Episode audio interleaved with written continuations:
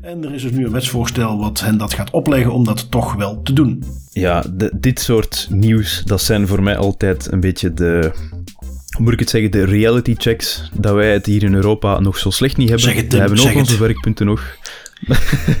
of course. Thank God for GDPR.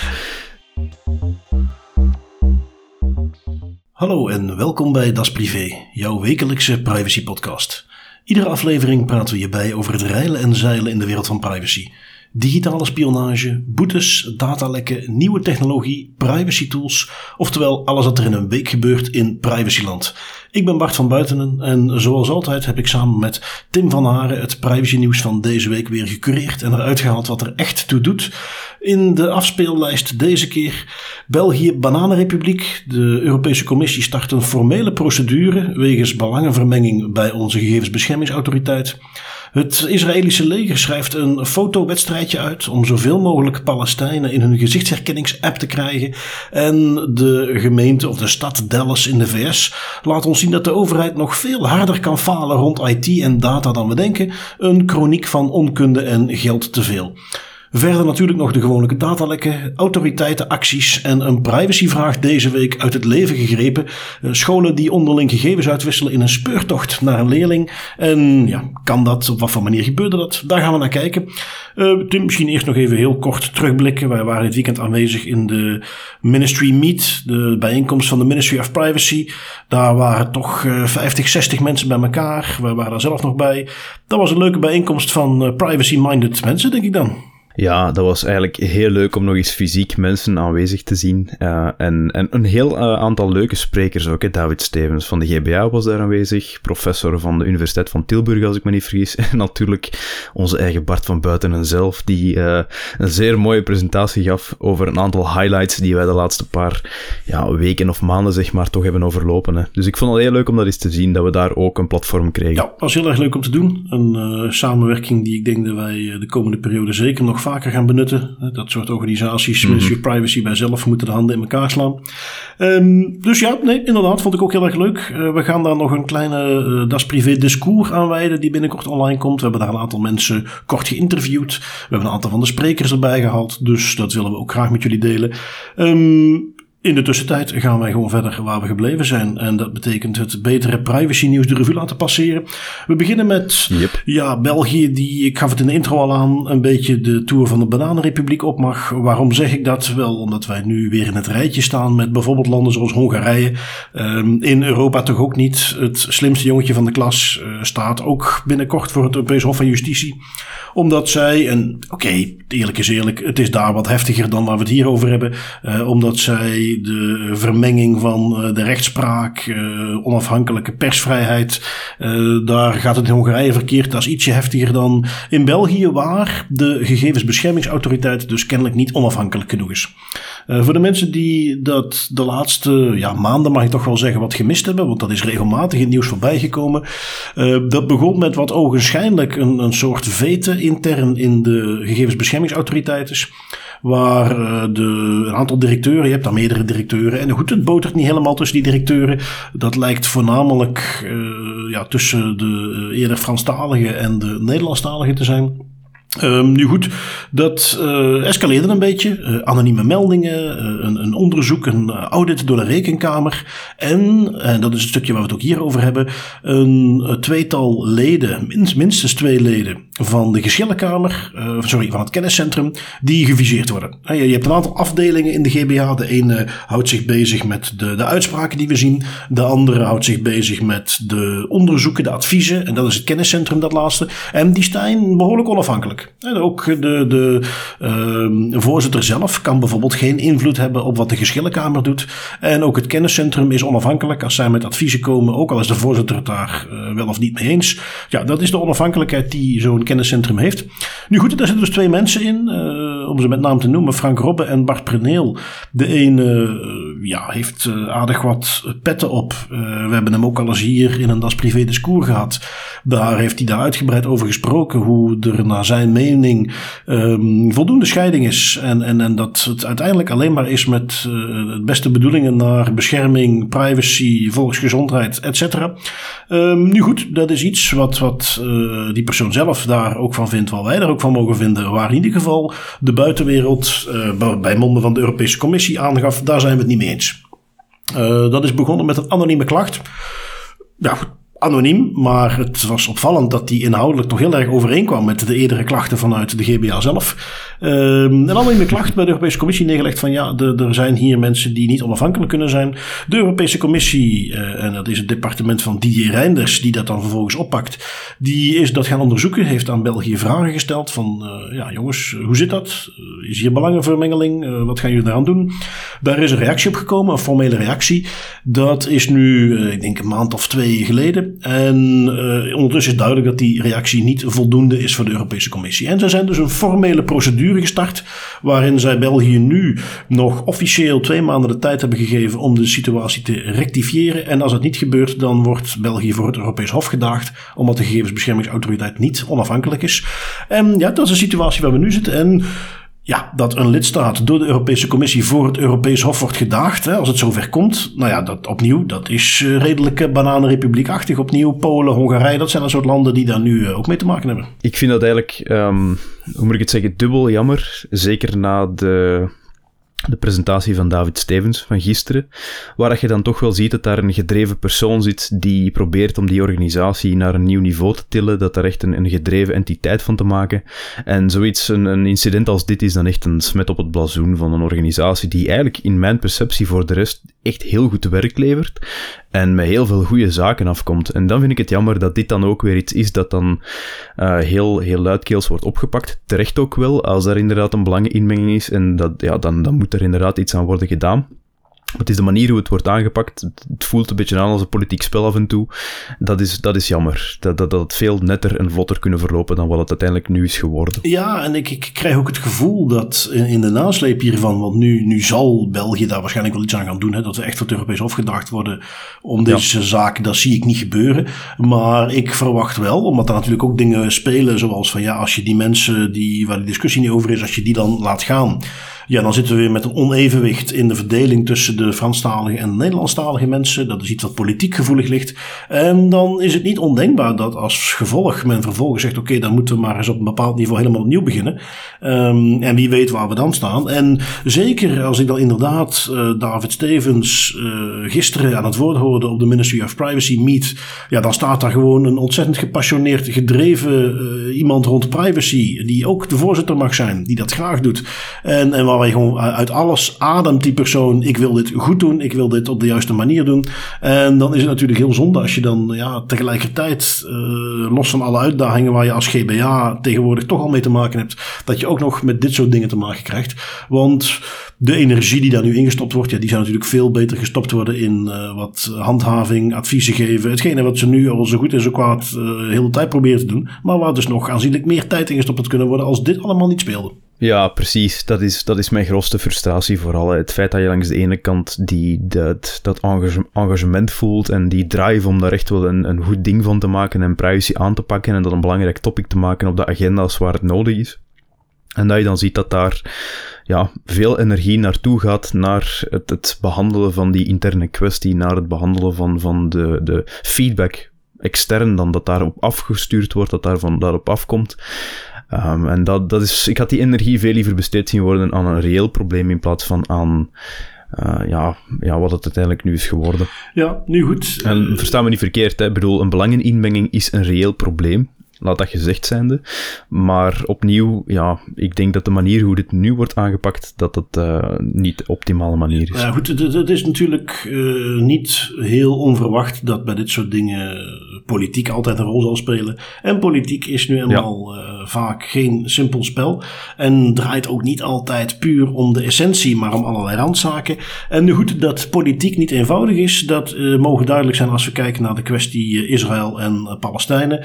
Um, Daar is nu wat naar buiten gekomen rond hoe het Israëlische leger een aantal technologieën inzet. Uh, jij hebt daar wel nader bekeken. Artikeltje van de Washington Post, Tim. Uh, vertel ons eens even wat daar allemaal aan de hand is. -hmm. Ja, dat wel het idee, dat Israël en het Israëlische leger aan surveillance doet om de Palestijnen in doog te houden. Ik denk dat dat echt uh, geen chockerend nieuws is. Dat is niks nieuws. Ik denk dat dat iets is dat we wel allemaal weten ongeveer.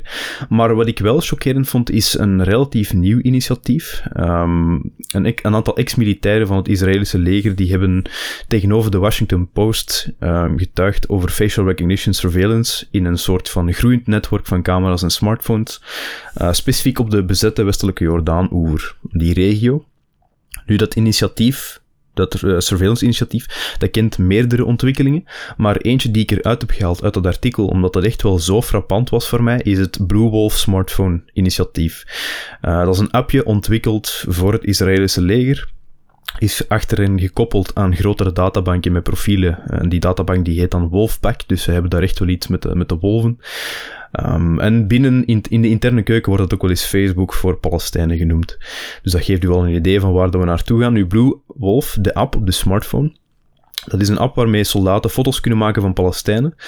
En die app die gaat dan simpelweg een bepaalde kleur weergeven. Als die foto door die databank is gehaald en met behulp van facial, recognition, technologie dat er een match is. En dan krijg je een kleur, groen, geel of rood. En afhankelijk van de kleur die de soldaten te zien krijgen, weten zij wat zij moeten doen met die persoon. Moeten zij die laten gaan, dan is dat waarschijnlijk groen. Geel of rood, dan moeten we die uh, ja, arresteren of, of aan de zijlijn zetten en verder bevragen. En dat vind ik op zich al een, een heel maf concept, dat je facial recognition gaat gebruiken om de interactie tussen een Palestijnse burger en een Israëlische soldaat te beperken tot een kleurencode. Groen, geel, rood, meer informatie wordt er niet gegeven. Wat dan nog absurder is, is hoe dat die facial recognition database, waar Blue Wolf gebruik van maakt, hoe dat die gevoed wordt. Um, en dat was eigenlijk vorig jaar door een wedstrijd. De Israëlische soldaten die werden namelijk uitgedaagd om zoveel mogelijk foto's van Palestijnen te trekken en up te loaden in de Blue Wolf app om prijzen te winnen. En die prijzen, dat is dan bijvoorbeeld ja, een avond eens uit kunnen gaan of, of even niet uh, moeten patrouilleren.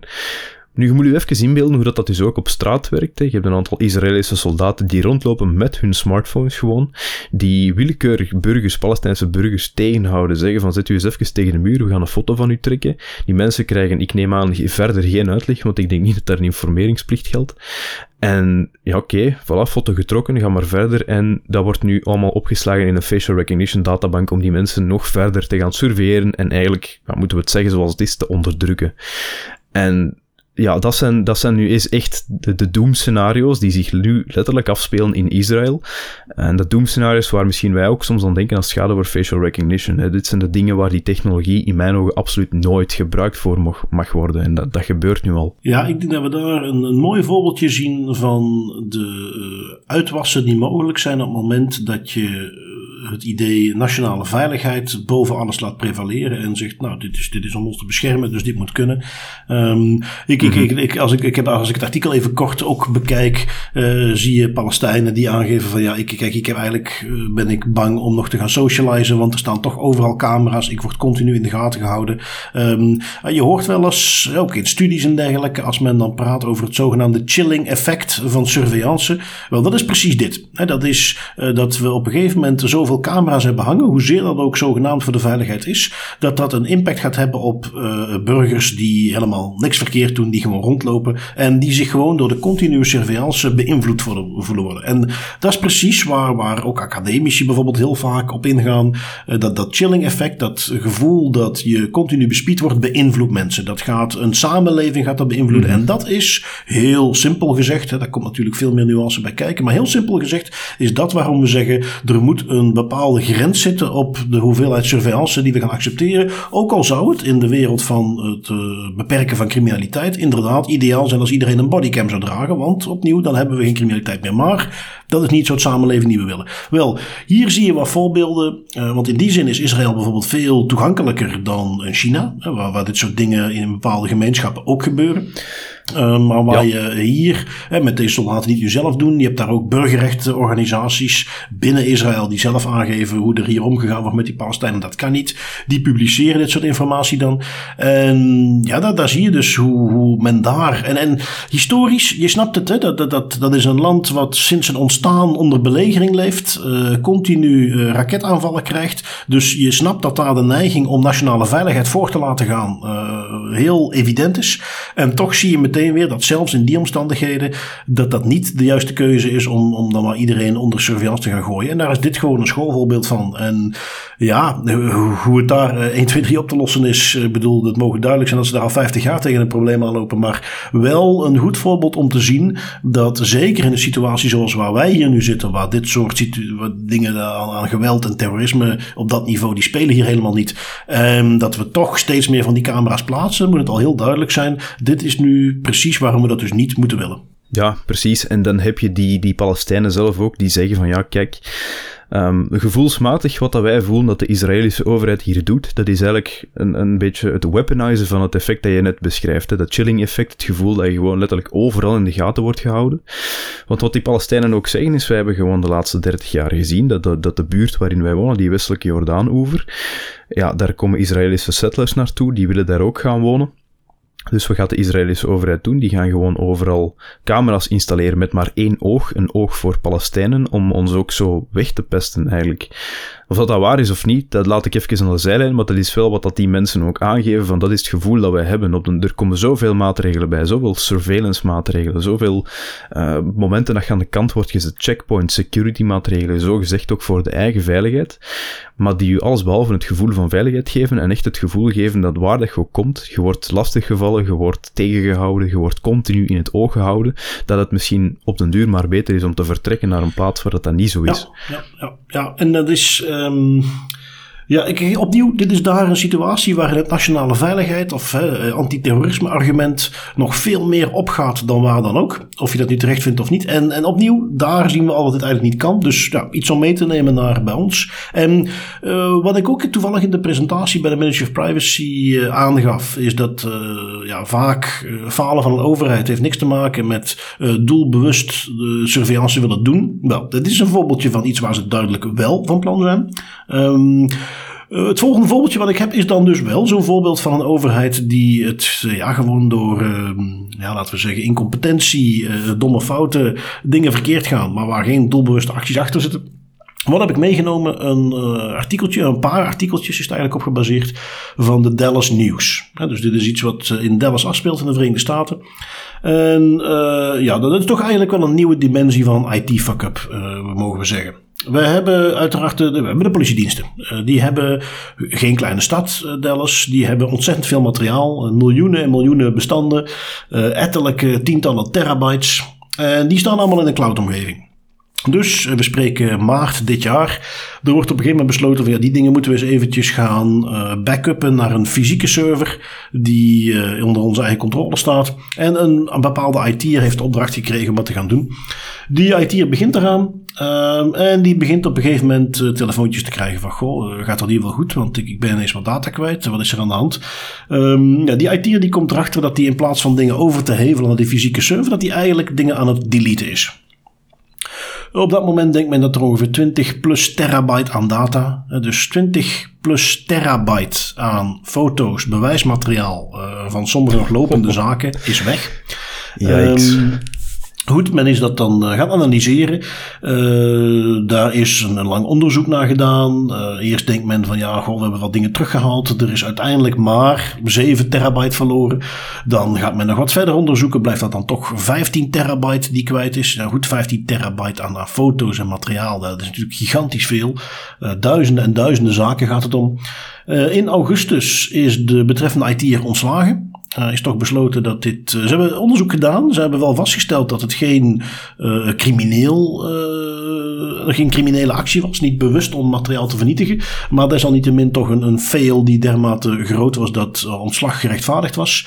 en IT is met een rapport van 131 pagina's gekomen om uit te leggen hoe dit kwam. Nou, ik heb het rapport niet zelf bekeken. Het is volgens mij ook niet publiek beschikbaar. Maar als ik het artikeltje lees, dan zie je dat daar maar een klein beperkt deeltje effectief van het rapport gaat over van ja, dit is wat er gebeurd is, dit is waar we nu staan. En de rest van het rapport gaat over alle dingen die eraan ten grondslag liggen van te weinig geld, te weinig mensen, uh, onduidelijke policies. Hè, gewoon één grote cover our ass om uit te leggen van ja, maar kijk, dit zijn allemaal randfactoren. Het zal ongetwijfeld meegespeeld hebben, maar ergens uh, denk ik dan toch is dat een 130 pagina's rapport uh, waard. Nu goed, um, de stad Dallas heeft besloten, eigenlijk is 131 pagina's rapport rond deze casus is, is, is nog niet genoeg. we moeten daar eigenlijk nog wel meer tijd en geld aan spenderen. En men heeft een advocatenkantoor ingehuurd om dit nader te gaan onderzoeken. Ehm, dat advocatenkantoor gaat, ja, heeft aangegeven, wij gaan daar 90 dagen onderzoek voor moeten doen. 60 dagen echt onderzoek, 30 dagen om het rapport te schrijven. En dat rapport volgens het artikel gaat 550.000 dollar kosten. Nou, dat zijn. Uh, Jesus. als ik dat eventjes herleid, uh, 550.000 dollar 90 dagen. Nou, daar kun je het voor doen. Daar kun je het voor doen. Dat is een heel redelijk dagtarief. Um, mm -hmm. Alsof dat nog niet genoeg is. Je zou denken, oké, die hebben hun portie dan wel even gehad. Maar nu halen ze dus weer het nieuws. Dat, dat, dat feit dat ze dat geld gaan uitgeven voor dat rapport, dat is nu een paar weken oud. Um, nu, heel recent, halen ze weer het nieuws. Want er is kennelijk ook een hack gebeurd. Uh, de stad Dallas heeft een hele mooie helikopter. Een paar helikopters kennelijk. Daar hangt allerlei mooie apparatuur aan. Die apparatuur in 2018, maar nu ook recent weer in september, hebben ze daar een paar grote contracten goedgekeurd. Die samen 4 miljoen waard zijn. En die zijn bedoeld om de camera's en het, het mappingsysteem en op videocloud opslag te betalen. Uh, daar zit een stukje subsidie van de overheid zelf bij. Daar zit ook 1,6 miljoen aan in beslag genomen geld bij, wat ze dan daarvoor inzetten. Dat is dan weer het mooie. Um, en goed, dat is dus uh, ja, geïnvesteerd in die uh, camera footage, die dan van die, van die, met die helikopters wordt opgenomen. Diezelfde footage is dus nu ontvreemd door een hacker en die is doorgegeven naar een of andere non-profit die zich daarmee bezighoudt. die hebben 600 uur, 2 terabyte aan surveillance video's in handen gekregen. Ze zijn er nog niet uit hoe dat precies is gebeurd. Um, maar dus ja, ik, ik denk dat als je op de IT-afdeling van de stad Dallas bij de politie zit, dat je op dit moment niet happy bent. Nee, dit is uh, naarmate dat je meer en meer aan het praten waart en beschreef hoe dat die situatie letterlijk van kwaad naar erg gaat, dacht ik echt, ja, dit is nu eens echt een fuck-up that keeps on giving. En gewoon al het idee, en dat is ook zoiets, ik weet niet of dat typisch Amerikaans is, ik weet niet of ik dat ga zeggen, maar een half miljoen gaan geven aan een advocatenkantoor, gewoon om uit te zoeken waar het fout ging, zonder dan nog maar te zeggen van we moeten dat hier kunnen oplossen, dat is toch ook ongelooflijk. Ik, ik, ik zou bijna zeggen, ik wil een aanbod doen, ik verhuis een jaar naar Dallas, ik ga dat onderzoek doen. En ik ga daar een jaar de tijd voor nemen. En ik, ik beloof je, ik kom met 200 pagina's rapport. Um, 550.000. Dat moet toch kunnen? Sowieso, als ik dan denk aan onderzoeken hoe uh, materiaal verloren kon gaan. Ik denk niet meteen aan een advocatenkantoor. Haal er eens een forensisch bureau bij. Nu goed, ik, eh, daar moet ik het trouwens wel bij zeggen. Uh, iemand heeft mij al eens eerder uitgelegd waarom ze dat doen. Uh, op het moment dat je een advocatenkantoor tussen zet, die zijn gehouden aan hun zwijgplicht. En dan zorg je ervoor dat alle informatie die daarin vergaard wordt, dat die eigenlijk officieel vergaard wordt door de advocaten. En die kunnen dan zeggen, ja sorry, dit valt onder mijn beroepsgeheim, ik mag hier niks over vrijgeven. Terwijl als de stad dat zelf doet, is het onderhevig aan allerlei uh, openbaarmakingen die erop kunnen volgen. Dus dat zal ook wel meespelen. Ik mag aannemen dat het advocatenkantoor weer op uh, hun beurt een IT-firma in de arm gaat nemen. Maar dan nog, 550.000, dat klinkt als een, als een gigantisch bedrag. Ja, inderdaad. Voor gewoon uit te zoeken wat er fout ging, dan is het nog niet het probleem oplossen. Dat is nog het ergste van al. Nee, inderdaad, inderdaad. En waarschijnlijk dan een, een pagina of honderd om vooral aan te geven hoe het iedereen en niemands schuld tegelijk is. Dat is altijd het fijnste als het rapport is. Um, even zien, wat hebben we nog meegenomen? Een artikeltje van Tweakers. En onze vrienden van Noip hebben nog eens een klacht ingediend. Dit keer tegen Grindr, de bekende uh, dating app voor uh, mensen die een andere persuasie dan hetero hebben.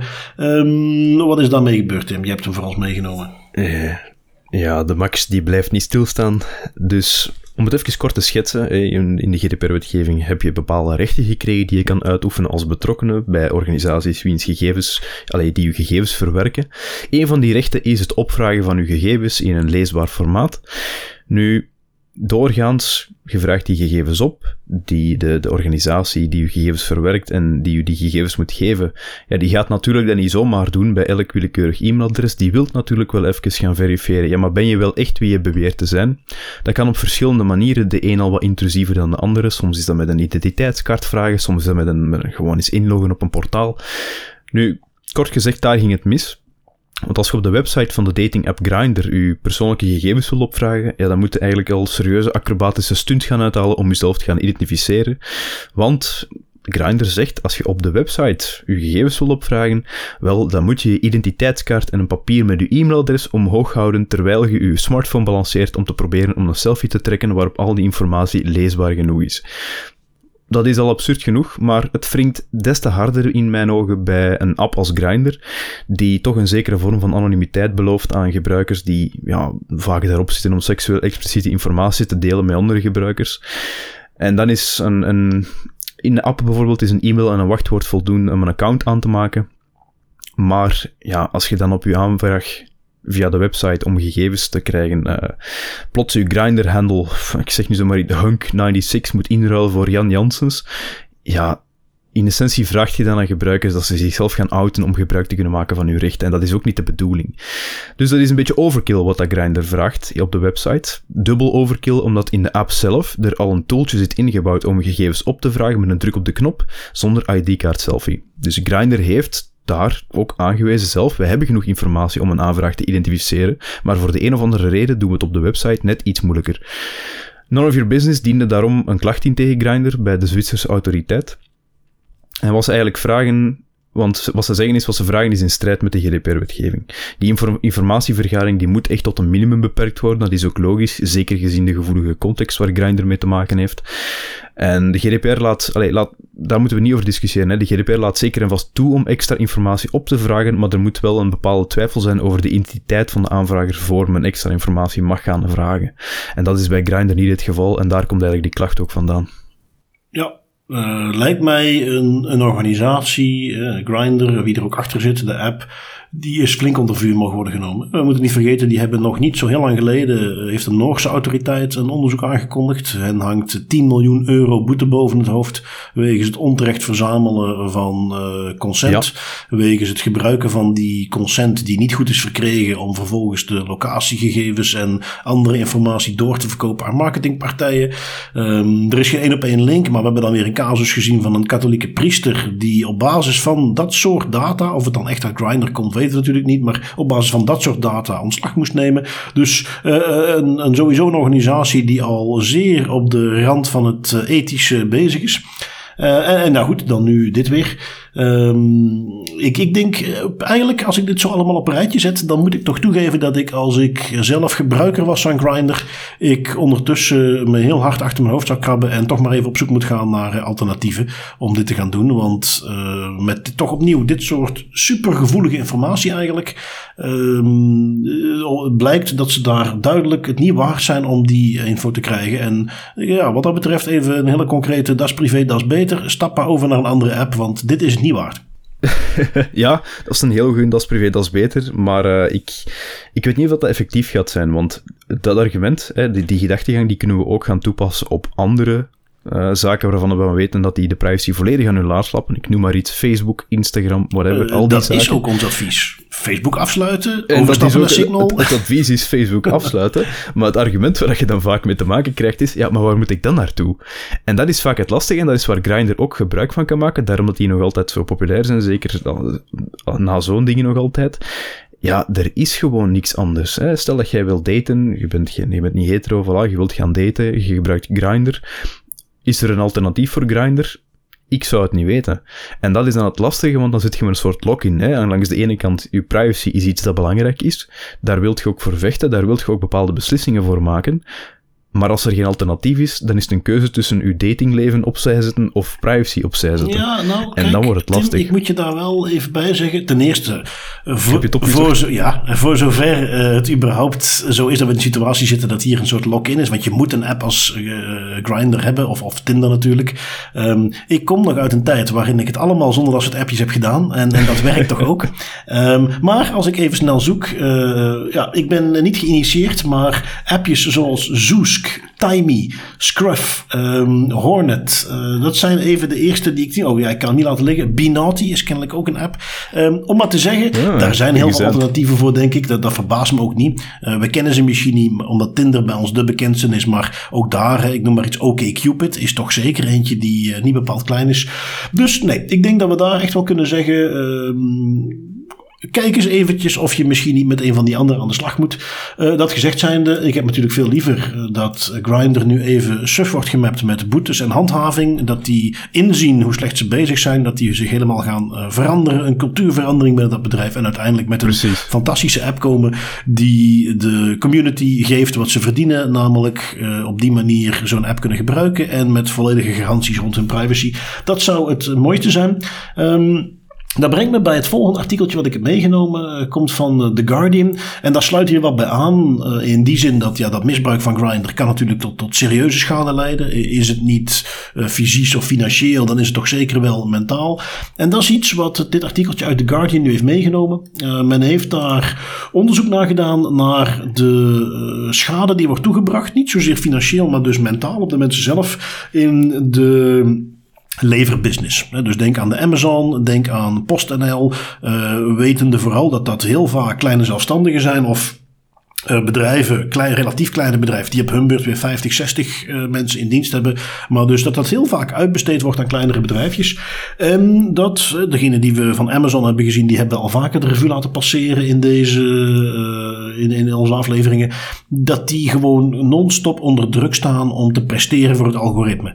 Um, niet alleen het -hmm. non-stop onder druk staan als in gepusht worden om zoveel mogelijk, zo snel mogelijk te leveren. Maar ook dat allerlei dingen daaromheen kunnen leiden tot de, de score die wordt bijgehouden, die verlaagd wordt. Dingen waar je wel of niet invloed op kunt hebben. Dingen die meteen raken aan hoeveel inkomen je eruit haalt. En ja, dat je dus uiteindelijk gewoon non-stop onder stress staat als je eh, met dat soort dingen bezig bent. En ja, als je dat dan even indachtig houdt, lijkt het me niet vreemd dat daar uit zo'n onderzoek komt dat dat dus inderdaad invloed heeft op, de mentaal, op het mentale welzijn van uh, de mensen die dat soort werk doen.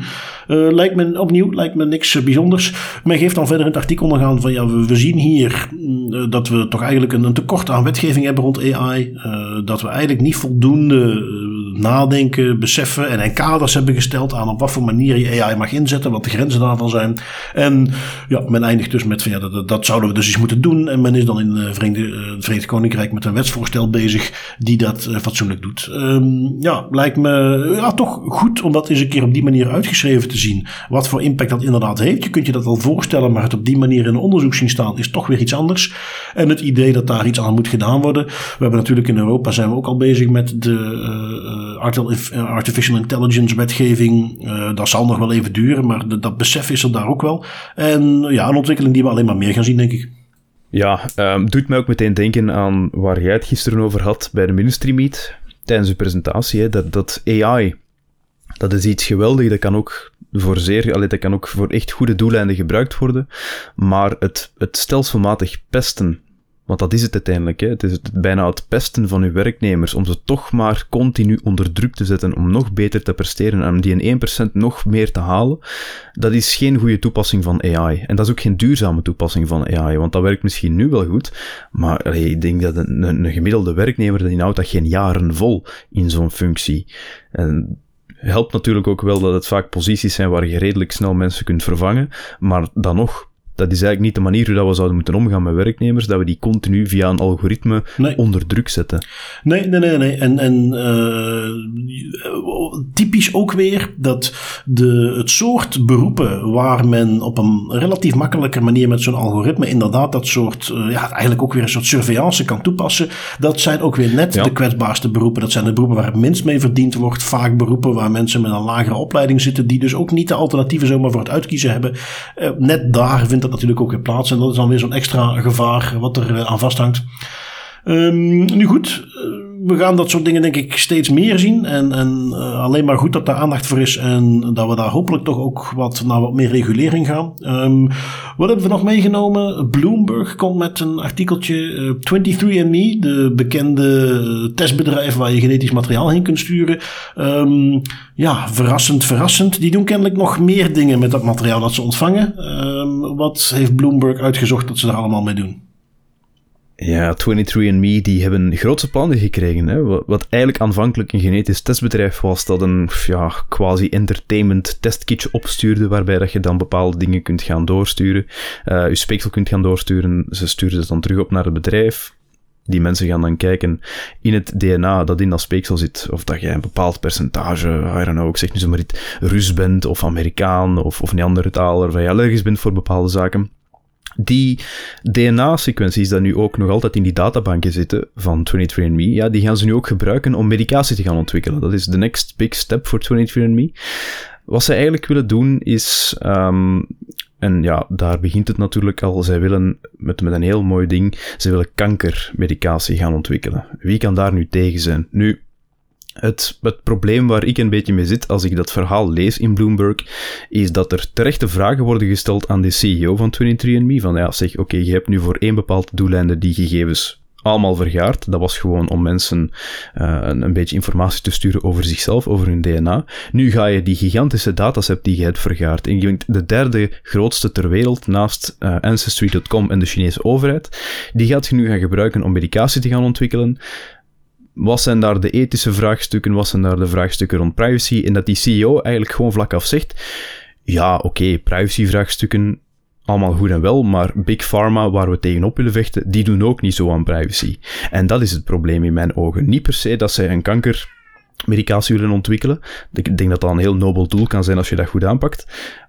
Maar als je dan terechte vragen krijgt over privacy en je wimpelt ze op die manier af, daarmee ga je geen vertrouwen winnen in mijn ogen. Nee, en het is, uh, ja, al, ja, kijk, ik heb altijd al een hele twijfelachtige service gevonden. Um, het is iets wat ik nooit zou gebruiken om, een DNA-materiaal heen te sturen. Precies vanwege dit soort dingen. Um, ja, wat, moet je er nog van zeggen? Het verbaast me niks dat, het zo, dat dit soort dingen gebeuren. Uh, en vandaag is het om kankeronderzoek te doen. Uh, morgen is het om nog iets mhm. anders mee te doen. En dat brengt me meteen bij het volgende artikeltje wat ik heb meegenomen uit The Times. Uh, want daar zie je zo'n voorbeeldje van iets waar het al wat minder uh, nobel is te verklaren wat men ermee doet. Dit is een bedrijf, uh, staat bekend als Expert Testing. De, ja, zoals de naam doet vermoeden, het verkoopt coronatests. Uh, die verkoopt dus al die teststaafjes. Die mag je dan opsturen. Um, wat blijkt ergens in de privacy policy van 4876 woorden die je moet accorderen op het moment dat je daar je testen bestelt en data heen gaat sturen, staat ergens vermeld dat men ook je data kan gaan gebruiken voor medisch onderzoek, om medicijnen te maken en om die data vervolgens te gaan doorverkopen. Um, ja, dat is iets waar de ICO in Groot-Brittannië dan nu een onderzoek rond gelanceerd heeft, want dat komt niet helemaal overeen met de verplichtingen die toch ook in het Verenigd Koninkrijk nog bestaan over het informeren van mensen, duidelijk informeren van mensen uh, wat je met hun gegevens gaat doen. En, en dat is zo'n basisprincipe wat ondertussen toch duidelijk mogen zijn dat je daar niet meer mee wegkomt. Het is niet meer, ik heb ergens in die 4000 uh, tellende uh, woorden, tellende privacy policy gezegd, wij gaan dit doen met jouw gegevens, dus na na na, je had het maar moeten lezen. Dat is al lang bekend dat dat volstaat niet. Je moet daar duidelijk en transparant over zijn en dat is hier duidelijk niet gebeurd. Nee, dat is uh, misschien nog iets om toe te voegen bij het vorige artikel van die 23andMe is bijna exact dezelfde manier dat dat, dat, gebeurd is. Hè. Bij het insturen van je speeksel moest je dan ook inderdaad een klein vinkje zetten ergens in een gigantisch formulier waarbij dat je toestemming geeft voor onderzoek, wat dat ook al een heel brede term is. En ja, dan worden er op die manier heel veel mensen erin geluisterd om gegevens af te staan. En die organisaties kunnen dan wijzen op, ja maar kijk, hè, ze hebben toch toestemming gegeven. Uh, gelukkig zijn er wel bepaalde zaken waar je aan moet voldoen om een geldige toestemming te hebben. Maar het is altijd een heel lastig gedoe om dat dan ook te gaan bewijzen en daar een zaak van te maken. Dus uh, ook weer typisch in de UK. Hè. Ik weet niet wat dat is met het Verenigd Koninkrijk, maar als het gaat over medische data, nu ook met die COVID-tests, we kunnen er bijna geen positief woord over zeggen. En we doen ons best om ook de positieve noten mee te pakken, maar als het gaat over health data in het Verenigd Koninkrijk, ik zie de toekomst er niet echt heel rooskleurig in. Nee, nee, nee. Als die nog even een, een paar jaar krijgen in deze regering, dan uh, gaan we daar heel andere dingen zien. En gaan we daar veel meer Amerikaanse mm toestanden toe dan hier, denk ik ook. Um, over Amerikaanse toestanden gesproken. Uh, er is een fantastische vooruitgang voor werknemers in de staat New York op komst, kennelijk. Meldt ons het privacyblog van het advocatenkantoor Hunton. Um, voor de fijnluisteraars, u hoorde daar enig sarcasme. Want wat is kennelijk het nieuwste wat in dat wetsvoorstel staat? Werkgevers in de staat New York moeten voortaan verplicht informatie geven over het soort monitoring dat ze uitvoeren op de werknetwerken, het bedrijfsnetwerk. als men daar bijvoorbeeld tracking doet van bezochte websites of men gebruikt toeltjes om versleutelde verbindingen open te breken om te kijken of daar dingen in gebeuren die overigens vanuit een IT-perspectief perfect normaal kunnen zijn en, en rond beveiliging te maken hebben. Hoeft niet per se een privacy schending op zich in te houden. Maar hier bij ons, het feit dat je dat doet, uh, is iets wat al lang uh, bekend moet zijn bij medewerkers, waar je de plicht hebt om ze daarover te informeren, um, waar je daar geen toestemming voor hoeft te vragen. Dat is weer zo'n klassieker. Dit is een mooi voorbeeldje waar je als organisatie gewoon mag zeggen: dit hebben wij nodig om ons netwerk goed te kunnen beveiligen. Niks mis mee. Um, maar is dus kennelijk iets wat in de staat New York nog niet zo was, waar een werkgever zich daar eens lekker kon laten gaan en op geen enkele manier zijn personeel daarover hoeven te informeren. En er is dus nu een wetsvoorstel wat hen dat gaat opleggen om dat toch wel te doen. Ja, dit soort nieuws, dat zijn voor mij altijd een beetje de, hoe moet ik het zeggen, de reality checks, dat wij het hier in Europa nog zo slecht niet hebben. Zeg het, we hebben ook onze werkpunten nog. of course. Thank God for GDPR. Want dat is het ook gewoon. Dat is echt wat, wat ik elke keer aan denk als het gaat over een privacy, een stap vooruit voor privacy in Amerika. En dat blijkt dan zoiets te zijn waar wij al tien jaar lang mee bezig zijn, bij wijze van spreken. En ja, dat, dat toont nog maar eens aan dat daar heel veel werk aan de winkel is en dat daar echt wel een nood is aan een, een wetgeving of een andere richtlijn die op, op het, eh, niveau van de Verenigde Staten in zijn geheel werkt. Want we zien nu in Hmm. bepaalde staten dat het beter gaat dan andere. California is daar echt wel een oasis van privacy in vergelijking met de andere staten. Maar zou- dat is eigenlijk jammer dat dat op, op staatsniveau moet gebeuren en dat dat niet op, op federaal niveau Nee, kan nee, gebeuren. absoluut. Het- we zijn op het punt gekomen dat wij nu met droge ogen kunnen zeggen dat China betere privacywetgeving heeft dan de Verenigde Staten. Ja, no joke. Dat is, dat is gewoon absurd om die woorden al uit te spreken en te horen, maar het is wel Ja. zo. Ja, dus nee, inderdaad, dat is de stand van zaken. En eh, dan zien we, en ik heb er eentje meegenomen, dat is misschien eigenlijk net een beetje meer security related, maar ik vond hem te leuk om te laten liggen. Ehm, we krijgen natuurlijk continu allerlei spam mailtjes binnen, fake mailtjes. Eh, als je dan even goed gaat kijken, lijkt het mailtje verstuurd te zijn door je baas of door een heel belangrijk bedrijf. En als je dan goed gaat kijken, is het verzonden e-mailadres blijkt eigenlijk niet te kloppen. De klassieke spam trucjes. Wel, recent kreeg men ineens in Amerika allerlei mailtjes van de FBI toegestuurd. En verdorie, dat zijn toch wel echt mailtjes van de FBI. Dus meteen komt dat al veel betrouwbaarder over. Maar wat blijkt, ook de FBI is niet immuun. Eh, de website van de FBI was eh, gehackt. Men is nog aan het uitzoeken hoe precies. Maar kennelijk werd er iets vrijgegeven op de website zelf. Ehm, tokens die gegenereerd werden, die het jou toestonden om misbruik te maken van de systemen die de mails de deur uitstuurden. En daar heeft iemand dankbaar gebruik van gemaakt. Door dus echt via de mailservers van de FBI mailtjes rond te gaan sturen. Ik wil daarom niet zeggen dat het hele netwerk van de FBI gehackt is, maar het systeem wat ervoor zorgde dat ze mails verstuurden wel. En dus de mails die zij verstuurd hebben, eh, die eh, waren nog steeds fake, maar waren wel van de mailservice van de FBI en werden dus op die manier niet gedetecteerd ergens. En ja, eh, wat dat betreft zou je bijna zeggen well done, want dat is toch netjes gedaan. Ehm, iets wat nu natuurlijk naar buiten is gekomen. Ik heb hem van Crabs on Security, die daar een heel artikel over heeft voor de mensen die het interessant vinden. Maar als, als principe op zich, ik vond het eh, een leuke. Ja, een heel, is er ook ergens in het artikel, want ik ben er eens snel door aan het scrollen, maar ik had het niet meteen vinden, is er ook ergens een, eh, een beschrijving van wat voor soort bericht dat er werd verstuurd vanuit de, dat FBI-e-mailadres? Eh, degene die ik of heb gaat het hier gewoon om willekeurige spam? gezien is dat men het bijvoorbeeld iets deed zoals urgent threat actor in systems. En dat ze dan zeiden, we hebben een of andere eh, eh, gathering gehad, we hebben iets gezien en je moet daar nu op reageren. Ehm, en dan wellicht weer met een linkje waar je op moet klikken voor wat verdere informatie. Dus eh, Ja, ja, ja, ja. dat soort dingen. Classic phishing. Ja, ja, ja, absoluut. Classic phishing, maar dan met eh, ja, het eh, FBI seal of approval erbij. Altijd mooi meegenomen in een phishing mail. Ah, someone's gonna lose their job today. Ja, ja, inderdaad, inderdaad. Ehm, even zien, wat hebben we nog? Eh, ja, iets dichter bij huis dan. Ehm, van tweakers.net, de mediamarkt. Nadat wij ze vorige week al eh, de revue lieten passeren met hun eh, handjes die ze verzameld hadden van medewerkers, staan ze meteen daarna weer met iets anders in het nieuws, namelijk slachtoffer van een beetje ransomware. Wat had Tweakers daarover te melden? Ja, Mediamarkt doet het inderdaad niet zo goed. Hè. Uh, Mediamarkt is slachtoffer geworden van de Hive ransomware. Nu, de impact, de winkels zijn nog open, maar klanten kunnen enkel producten die fysiek aanwezig zijn in die winkels kopen. Dingen bestellen, afhalen en retourneren, dat is momenteel niet mogelijk, omdat de systemen die dat ondersteunen, die liggen plat. Uh, de Hive ransomware groep die erachter zit, die vragen momenteel 43 miljoen euro losgeld in bitcoins. En de onderhandelingen in samenwerking met een niet nader genoemd Duits securitybedrijf, uh, die zijn nog gaande. Dus dat is nog een beetje spannend. Dat is nog iets voor volgende week, wat dat er uiteindelijk uit de bus gaat komen waarschijnlijk. Nu, waarom ik het heb meegenomen is, dit is misschien wel eens een datalek in wording. De Hive-groep achter die aanval, die staat erg bekend, ook bij de FBI, om door middel van gestolen data slachtoffers af te persen op hun website HiveLeaks. Eigenlijk praktisch dezelfde modus operandi als ReEvil met hun Happy Block. Betaal je niet, ja, dan verkopen ze de gestolen data. Of ze publiceren gewoon alles online om u een beetje te shamen en een serieuze reputatieschade te laten leiden. Ik heb er nog een last minute update ook van gevonden, net voordat we aan de podcast begonnen. En daarin in een artikel beweert Mediamarkt dat geen klantgegevens gestolen zouden zijn in, uh, in de ransomware aanval. Ik ga wel nog even afwachten tot stof gaat liggen voordat ik daarin meega en die conclusie ga geloven, om het zo te zeggen. Want ja, eerst en vooral, wat verstaat de mediamarkt onder klantgegevens? En ten tweede, om een paar dagen na de aanval al te kunnen zeggen dat er echt niks is gestolen, dat, uh, dat is heel snel. Dat is heel snel en, en ook gewoon heel erg onwaarschijnlijk.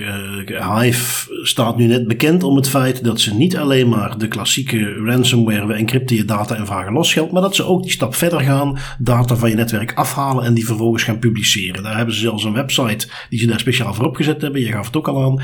Dus ja, dat, dat is hun modus operandi. Dus per definitie gaat er data gestolen zijn. En als je in de systemen van Mediamarkt zit en je trekt daar eventjes, want het ging om 3100 systemen die geïnfecteerd zijn. En ja, ons dan wijs gaan maken dat daar niks aan klantgegevens tussen zit. Nou ja, misschien dat naderhand blijkt dat het niet de Hive-groep is. En dat het een groep is die wel degelijk alleen maar de encryptie doet. Dat zou natuurlijk nog kunnen. Maar op basis van de informatie die we mhm. nu hebben, durf ik hem wel aan om te zeggen dat ze dat uh, weer even de klassieke downplay aan het doen zijn. Uh, als je dat negatief bekijkt in een poging om de mensen een beetje voor te liggen. Als je het positief bekijkt, willen ze de meest positieve conclusie uh, nemen voordat ze echt al het onderzoek hebben gedaan. Laten we het daar even op houden. Maar ik denk dat we daar nog snel van gaan horen. Wellicht op de website van Hive zelf uh, dat er toch wel het een en ander ontvreemd is. Ja, het is uh, sowieso een website die we in de oog zullen houden. Um, dan hebben we nog een datalekje voor de mensen die wel eens met aandelen bezig zijn geweest. Is de app Robinhood misschien een bekende. Um, ook een oepsje. 7 miljoen personen zijn betrokken bij dit datalek moet ik er meteen bij zeggen dat het in 5 miljoen van de gevallen slechts om e-mailadressen gaat. Um, maar opnieuw, en we weten ook de, puur en alleen al het feit dat je weet dat iemand in die dataset zit, dat die met Robinhood bezig is, geeft je al extra mogelijkheden om die mensen te targeten. Uh, die e-mailadressen kunnen gebruikt worden. Van 2 miljoen mensen zitten dan ook nog eens de namen bij een extra gegevens. En van een uh, etterlijke honderdtal is het gewoon alles wat Robinhood van ze heeft. Um, volgens Robin Hood, uh, dat vond ik hier dan nog het, aparte, gaat het om een uh, hacker die niet zozeer in de systemen binnen is gedrongen, maar die een medewerker van de klantenservice zo heeft weten te manipuleren dat hij toegang gaf tot allerlei systemen en dat er op die manier uh, data buiten is gemaakt. Um, uiteraard, want dat mag tegenwoordig niet ontbreken. De hacker eist losgeld van de beleggingsapp om ja, de informatieprijs te geven of niet nog meer te gaan publiceren. Ik weet het niet zeker. Um, dus nou goed, qua inhoud van het datalek, ogenschijnlijk lijkt het mee te vallen. Um, maar toch hier ook weer interessant dat dus met een beetje het betere social engineering men op die manier uh, dat soort data kon ontfutselen. Um, een andere partij, en dan zitten we bij ons hoofdstukje van de autoriteiten. You will respect my die te maken heeft gehad met een, eh, ook nog eens een boete. Die komt uit een datalek, is Transavia uit Nederland. De AP heeft daar een eh, stevig onderzoekje gedaan. Uh, jij hebt hem voor ons bekeken, Tim. Wat was hier aan de hand? Ja, de Transavia, dat is een luchtvaartmaatschappij en die werd eind 2019 slachtoffer van een cyberaanval, waarbij een aanvaller gegevens van een ja, dikke 80.000 passagiers heeft gestolen en dan ook nog eens gegevens van 25 miljoen mensen mogelijk heeft ingekeken. Hij had toestemming tot die systemen. Nu, de oorzaak van, van die aanval en van dat lek die, die, hacker die kreeg namelijk toegang tot die persoonsgegevens van miljoenen mensen door een account met de hoogste privileges over te nemen met ofwel een veelgebruikt of een gelekt wachtwoord. Ze zijn er nog altijd niet uit wat het is. De twee opties die we hier op, tafel hebben liggen qua uh, aanvalstechniek is ofwel passwordspraying, hè, dus het, het uh, een veelgebruikt wachtwoord, bijvoorbeeld wachtwoord 123, gaan gebruiken op heel veel accounts en proberen, is er ergens een match, wordt er ergens dan een basiswachtwoord toch nog gebruikt, wat dat eigenlijk echt niet de bedoeling zou mogen zijn. Of credential stuffing, dat is dan een eerder gelekt wachtwoord of eerder gelekte credentials op een ander wachtwoord gaan gebruiken en kijken, is iemand zo dom geweest om hetzelfde wachtwoord twee keer te gebruiken? Hoe dan ook had dat iets te maken met een zeer zwak wachtwoord en ja, daar speelt de AP een beetje op in. Hè. Het ergst van alles nog, er is een wachtwoordbeleid, er is een multifactor authentication beleid bij Transavia, alleen werd het blijkbaar helemaal niet gehandhaafd, want volgens de AP waren er dus geen passende maatregelen genomen om die gegevens te beschermen. Combinatie van aan de ene kant zwakke wachtwoorden en aan de andere kant het ontbreken van MEV om stel dat het wachtwoord toch ergens gelekt zal zijn, toch nog de cover te voorzien, maakte het wel voorzienbaar dat er vroeger of later ja, problemen van gingen komen van deze situatie. En die leggen dus bovenop het feit dat zij aangevallen zijn ook nog eens een boete op van 400.000 euro. Ja, ik, ik, ik, ik, las hier dan op een aantal plekken terug. Dat men dan zegt van ja, kijk, hè, dan ben je Transavia, dan doe je netjes een melding van een datalek. Is dit wat je ervoor terugkrijgt? Vind ik een beetje onzin. Uh, in die zin dat ja, uh, nergens is ooit gezegd dat op het moment dat jij een datalek zoals het wettelijk verplicht is, netjes gaat melden, dat je dan geen straf meer kunt krijgen. Dat gebeurt in heel veel gevallen niet. Maar, en dat was laatst in Noorwegen nog zo'n voorbeeld, waar ze ongeveer een soortgelijke boete hebben gekregen. Een stad die een ransomware aanval had gehad. Uh, dit is niet omdat jij een melding had. Dit is niet omdat je het slachtoffer was van zo'n aanval dat jij die boete krijgt. Dit is omdat na aanleiding van het onderzoek van die aanval, van die melding, blijkt dat jij je security niet op orde had. Als zo'n autoriteit dit had geweten, ook zonder een aanval, had je nog steeds een kans op een boete gehad. Want je hebt echt basale fouten gemaakt. Hier ook weer. Als nou, ah, je wordt er af en toe gewoon moedeloos van hoe vaak je dit terug ziet komen. Een, een account waarmee uh, tot zeer gevoelige gegevens toegang is. En dat is dan niet beveiligd met een fatsoenlijk wachtwoord en met two-factor authentication. Dat is zo basic. Mm -hmm. um, om hem hier toch ook nog even voor de zekerheid toch nog eens een keer te herhalen. Beste luisteraars, als jij een account hebt waarvan jij uh, weet dat daar gegevens in zitten die je liever niet kwijtraakt of prijs zou geven, zet daar two-factor authentication op. En heb je daar een recovery e-mailadres aan gekoppeld, zorg dat er op die account ook two-factor authentication zit. Um, dat is zoiets simpels wat we kunnen doen. En ja, dat is soms lastig. Ik word er ook wel eens moe van als ik op uh, de Das Privé website wil inloggen. Daar zit geen al te slim systeem achter. Ik moet iedere keer die code erbij pakken. Wel, ik heb het er graag voor over. Dus dat is ook weer wat hier een, een hoop pijn had voorkomen voor Transavia. Um, eentje die ja, toch ook niet het uh, slimste is, uh, is een, uh, eentje uit Ierland, waar de DPC nog eens eventjes een knaller van een boete heeft opgelegd. Ze slaan nog eens hard toe. Na de 250 miljoen van WhatsApp hebben we nu een boete van 1500 euro. Um, ergens snap ik het iets beter, omdat het in dit geval om een non-profit gaat, die zich bezighoudt met het beschermen van en het ondersteunen van vrouwen die slachtoffer zijn van geweld. Um, maar als je dan ziet hoe het hier is ontstaan. En, en dat is iets trouwens, dat, dat raakt ook aan iets wat we met Das Privé zelf willen doen. Dit zijn het soort organisaties die niet de mogelijkheden hebben om daar duur advies voor in te winnen. Maar die, dat blijkt hier ook maar weer, wel degelijk de nood hebben aan ondersteuning. Want het ging hier om 18 SD-kaarten waar video's van trainingen en, en een gesprek op stonden. Waar mensen dus duidelijk veel gevoelige gegevens blootgaven. En die zijn ze kwijtgeraakt. Um, ja, ook dat is iets wat, wat met een beetje meer awareness awareness, wat met een beetje meer praktische tips en, en, en, zelfs wat toeltjes om, als je dan toch die SD-kaarten moet gebruiken, om het dan op zo'n manier te doen dat je die gegevens die erop staat beveiligt, een, een andere procedure om daarmee om te gaan, dit is te voorkomen. En, en ik snap dus dat men die niet al te heftig gaat beboeten, want het is een non-profit en, en wat heb je er uiteindelijk aan? En dat men eerder een signaal moet afgeven, uh, maar wel jammer dat het uh, op basis van dit soort dingen gebeurt. Geen kwaadaardige hack, maar gewoon weer SD-kaartjes laten rondslingeren met heel veel gevoelige gegevens. Nee, maar daar geef je wel een terecht punt aan. Die, die non-profits die vaak een heel goed doel, doel voor ogen hebben, die missen gewoon vaak de, de kennis, de awareness of, of de skills om het op de juiste manier aan te pakken. En opnieuw, dat is net hetzelfde verhaal als bij de overheid. Het gaat vaak niet om de non-profit die ergens gniffelend in de hoek zit van haha, wat gaan we vandaag deze keer lekken? Maar eerder een non-profit die met een heel mooi doel zit, maar die eigenlijk niet zo goed weet van ja, hoe kan ik dat nu op een veilige en verantwoorde manier aanpakken met respect voor de privacy van de mensen waar ik mee werk. En ja, dat is, dat is inderdaad zoals jij ook al aangaf. Ik bedoel, ik denk dat we daar met Das Privé nog heel veel werk aan de winkel hebben en heel veel kunnen gaan doen. Dus daar kijk ik ook heel hard naar uit om daar ook mijn steentje in te kunnen bijdragen. Ja, absoluut absoluut. Daar gaan we zeker werk van maken.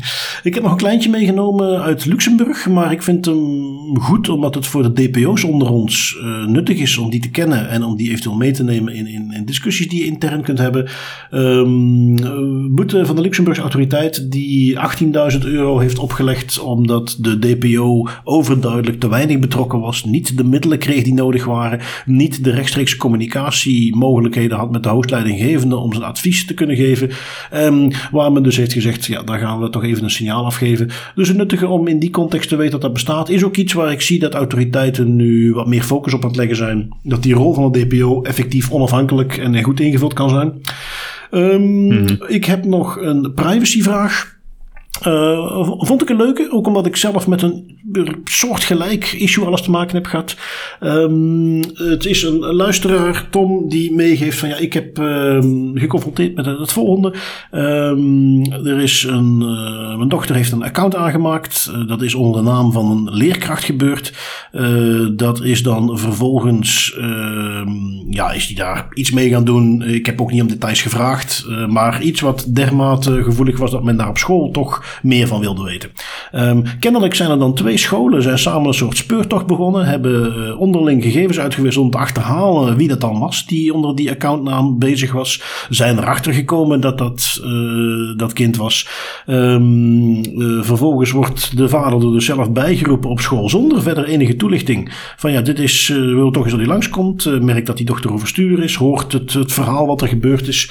Um, goed, waar komt dan de privacyvraag? Wel, in hoeverre mag een school in deze situatie, mag die met een andere school gegevens gaan uitwisselen om in dit geval de identiteit van een leerling te achterhalen. Um, ik vond hem interessant en opnieuw, ik heb met een, soort gelijk iets heb ik ook meegemaakt. Waar gaat het een beetje om en, en, en waar zie ik zeker wel dat dit, eh, waar ik niet meteen wil gaan zeggen, dit is iets dat een school niet mag doen. Um, we zien vaak genoeg voorbeelden van waar online pesten en, en echt continu uh, in die zin mensen, kinderen die tot wanhoop gedreven worden door online pesterijen, waar dat toe kan leiden. Dus ik snap dat een school, als zoiets zich voordoet, moeite wil doen om te achterhalen om wie het gaat. Uh, en dat die dan mm -hmm. uh, onderling, ik ken de exacte context niet, uh, maar dat die onderling op zoek gaan van wie is dit en dan vervolgens een gesprek aangaan met die leerling. Um, en daar voor de rest van wat ik er tot nu toe van heb meegekregen niet te veel gegevens over naar buiten brengen, maar dat echt alleen maar gebruiken om die, die zaak te achterhalen en dan dat gesprek aan te gaan. Eigenlijk heb ik daar niet veel moeite mee. Um, omdat opnieuw dit gaat en niet iedere online pesterij uh, gaat leiden tot de, de hele drastische dingen die we soms in het nieuws hebben gezien. Maar het kan wel. En dan snap ik dat je uh, ja, even met een andere school gaat afstemmen en dat daar inderdaad wat gegevens rond uitgewisseld worden. Um, plak daar een wettelijke basis op. Denk ik dat we hier wellicht over het gerechtvaardigd belang van de betrokken leerlingen kunnen spreken. Die, uh, ja, om het wat extreem te zeggen, slachtoffer waren van wat daar kennelijk gebeurde. Dus nee, ik, ik, ik mm -hmm. zie op zich, en dat was één deel van de privacyvraag. Um, is er iets wat kan? Wel, ik denk dat ik dat als, als ik DPO bij een school zou zijn, dat ik dat hier wel uh, verantwoord zou krijgen waarom dat dit kon. Um, mits, laat ik dat er altijd even bij zeggen, dat de, de klassieke principes volgden. Hè. Je gaat niet meer informatie daarvoor gebruiken dan nodig. Je gaat die niet verder verspreiden dan nodig. Ja, je, je doet het op de, op de juiste manier, maar dan op zich moet dit kunnen. Het enige wat ik ook wel uit dit verhaal haalde en wat ik ook een beetje terugdenk aan de ervaring die ik daarmee had, uh, toen mijn dochter op school door een leraar werd aangesproken, de directeur erbij werd gehaald, is dat ik daar als ouder, ik moet dat via mijn dochter horen. En ik zou eigenlijk verwachten dat mm. in een schoolcontext men op dat moment, als ze zoiets gaan doen, dat daar wel gewoon de ouders, niet alleen van de leerling die uh, het slachtoffer is, maar ook aan de andere kant dat die daar wel bij betrokken worden. Um, ik weet niet goed waar dat idee, waar, waar dat die reflex vandaan komt om die ouders niet bij te betrekken. Uh, want in mijn insteek was ze zeker niet geweest. Mijn dochter is heilig, die gaat dit nooit gedaan hebben. En jullie zijn helemaal gek dat je dit doet ik zou op zijn minst even willen zien, goh, waar, baseren jullie op? En ja, uh, kinderen doen nu eenmaal uh, soms domme dingen. Het had best gekund dat uh, mijn dochter inderdaad iets verkeerd had gedaan. En dan wil ik daar iets mee kunnen doen. En dan wil ik niet dat ik op een gegeven moment op school word geroepen, niet weet waar het over gaat. En dat ik via mijn dochter moet horen wat er gebeurd is. Dus tip naar scholen. Ik denk dat wat hier gebeurd is op zich prima kan. Maar dat een stukje transparantie toch echt wel belangrijk is. En ook naar draagvlak toe naar zelfs de ouders dus aan beide kanten een, een belangrijke factor gaat zijn om toch zeker mee te nemen. Ja, dat is ook dat is eigenlijk heel mooi om te horen wat je hier allemaal zegt en de redenering die je hier beschrijft, want dit is dezelfde redenering die we kunnen toepassen op zoveel andere vraagstukken als het gaat over privacy en GDPR. Dat het vaak niet gaat over wat er gebeurt en, en waarvoor het gebeurt, maar vooral de manier hoe het gebeurt. En inderdaad, dit ook eens gaan checken met bepaalde scholen van ja, dat kind achter die accounts, kunnen we daar eens even verifiëren wat dat wel allemaal juist is. Dat op zich is geen issue, maar het is inderdaad de manier. Er zijn zoveel, zoveel elementen van dit verhaal waar het fout had kunnen gaan, waar de school te veel informatie had kunnen vergaren, waar ze er niet op de juiste manier mee zijn omgegaan, niet meer respect voor de privacy van de betrokkenen. Maar ze hebben dat wel gedaan, dus is er geen probleem. En dat vind ik altijd mooi om mee te geven. En dan ook nog dat stukje informering en transparantie, wat dat heel belangrijk is. Dat is eigenlijk de laatste noot daar. Ja, als je dat doet en als je dat in acht neemt, en dat moet niet veel moeite kosten, dan is heel veel mogelijk, ook binnen de GDPR-wetgeving. Want ze wordt soms afgeschreven als een boeman, als een wetgeving die vaak, waarvan je vaak zegt van nee, dit kunnen we niet doen, dit mag niet van de GDPR. Nee, als je dat slim aanpakt, dan kan er heel veel binnen de GDPR-wetgeving, ook op school. Inderdaad. Goed, dan zijn wij toe aan onze privacy tools. En uh, we merken af en toe, dat is ook iets wat we altijd gezegd hebben op het moment dat we die lijst met privacy tools zijn gaan bijhouden. We willen dit onderhouden. Wij hebben liever minder tools. Hè. Wij gaan niet iedere mogelijke secure messenger app meenemen, want dat zijn er al snel mhm. tientallen. Uh, wij pakken er één of twee uit die we zelf gebruiken, die we goed vinden, zodat het een beetje een overzichtelijke lijst blijft. En we willen die lijst ook up-to-date houden. Als wij dingen te weten komen, of wij, wij vangen iets op, of er gaat een tool die niet meer bestaat, willen we dat aanpassen. Uh, dat is iets wat we, ja, wat we dus nu ook uh, is gedaan Dus uh, deze keer niet per se nieuwe privacy tools, maar ik heb eventjes de, de lijst erbij gepakt en er een paar dingen uitgehaald. Even de, de, klassiekers. Uh, ExpressVPN hadden we al aangekondigd. Dat is, uh, die dat bedrijf is overgenomen. Gaan we uit de lijst halen, omdat die zijn overgenomen door bedrijven die bekend staan om een beetje hun privacy schendingen, zullen we maar zeggen. Um, Piped heb ik eruit gehaald, want we hebben daar nu FreeTube voor. Piped werkte toch niet 100%. Um, ehm, Spreed.me, een, een uh, oplossing. Je kon daar een, een soort server bestellen. Redelijk plug-and-play die je dan thuis neer kunt zetten. Op het internet verbinden, een wizard doorlopen. En je hebt eigenlijk je eigen secure cloud opslag. Maar hindsight merk ik dat dat iets is wat een beetje buiten de scope van de meeste gebruikers zal liggen. Uh, wat ook wat te duur was. En waar we ondertussen de andere diensten die Spreed aanbood alternatieven voor hadden. Um, dus goed, die hebben we wat uh, vervangen. We hebben dan weer wat geüpdate. Ik zal ook uh, ergens volgende week zullen we de geüpdate lijst nog eens een keer publiceren. Um, en dat is iets wat we continu mhm. willen blijven doen. Om niet helemaal met lege handen te komen heb ik nog wel een boek meegenomen. Uh, ja, niks schokkends. Ik verwacht zelfs dat de meeste mensen het al kennen. Maar hij stond nog niet op onze boekenlijst. En behalve bijvoorbeeld zoals een George Orwell 1984. Ja, dat is de klassieke waar iedereen naar verwijst. Maar er is eigenlijk nog een andere. Die ik iets minder hoog, maar die zeker zo goed is. En die ik iedereen van harte wil aanhalen om eens te lezen. Um, en dat is Brave New World van uh, Aldous Huxley. Uh, ook een heel, heel goed boek in, in de privacy context. Dus ja, dan heb ik er nog iets meegenomen. Um, Tim, je hebt iets soortgelijks hè? Ja, ik heb eh, inderdaad iets soortgelijks. Ook in het licht, in het kader van eh, bepaalde tools die we gaan vervangen als we merken dat die toch niet zo goed werken als dat we verwachten, of dat die op een andere manier werken. Um, ik heb Raivo meegenomen. En Raivo, en dan moet ik eigenlijk meteen mijn verhaal beginnen. Een warme shout-out naar een lid van onze Element community, uh, Warren Buffert. Ik denk dat ik dat goed uitspreek. Die mij erop wees dat Authy, die multifactor authentication app die ik momenteel gebruik, dat die toch niet zo geweldig werkt. Alleen ze werkt functioneel goed, maar er is een bepaalde login waardoor je de codes achter de, de one-time passwords niet kunt, niet kunt exporteren. Dus je zit eigenlijk vast aan die, aan die auti. Had hem een hele goede opmerking over, ook volledig terecht. En ik heb ook gezegd, ja, dat eigenlijk kan dat niet. Dat is niet zo gemakkelijk, dat is niet zo gebruiksvriendelijk. Dus ik zoek naar een oplossing en ik kom uit bij Raivo. Raivo werkt op exact dezelfde manier als Authy. Eh, het is iOS only weliswaar, dus enkel voor Mac uh, en, en iOS. Um, maar het werkt op exact dezelfde manier. Het is een multifactor authentication app met sync, wat ik altijd heel belangrijk vind bij zo'n applicatie. De UI is in mijn ogen ook beter. En belangrijk, eh, niet zoals bij Authy, er is geen login. Dus ik kan op elk moment mijn, mijn paswoord, mijn secrets gaan exporteren naar een andere applicatie, naar een andere omgeving. Ik zit niet vast aan die app. Dus ik vind het uh, daarom een heel goede een heel zet om over te schakelen naar Raivo. Ja, ik uh, zal meteen nog even meegeven dat we ook een Android alternatief uh, meenemen. Uh, Aegis heet dat. Dus dat je wat dat betreft voor beide ecosystemen hebben we dan nog steeds een alternatief. Maar we gaan dus uh, Authy schrappen. En ja, Tim, dan zijn we weer aan het einde gekomen van een fijne Das Privé aflevering. Ik bedank jou weer voor je tijd. Ik bedank onze luisteraars om weer naar ons te luisteren. En dit doen we volgende week gewoon nog eens dunnetjes over.